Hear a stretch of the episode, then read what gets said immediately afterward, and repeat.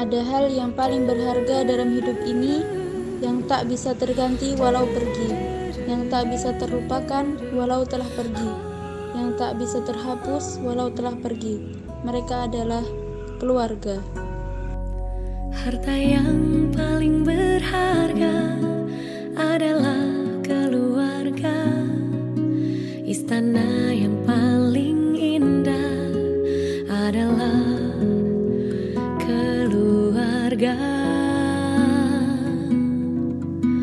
Puisi yang paling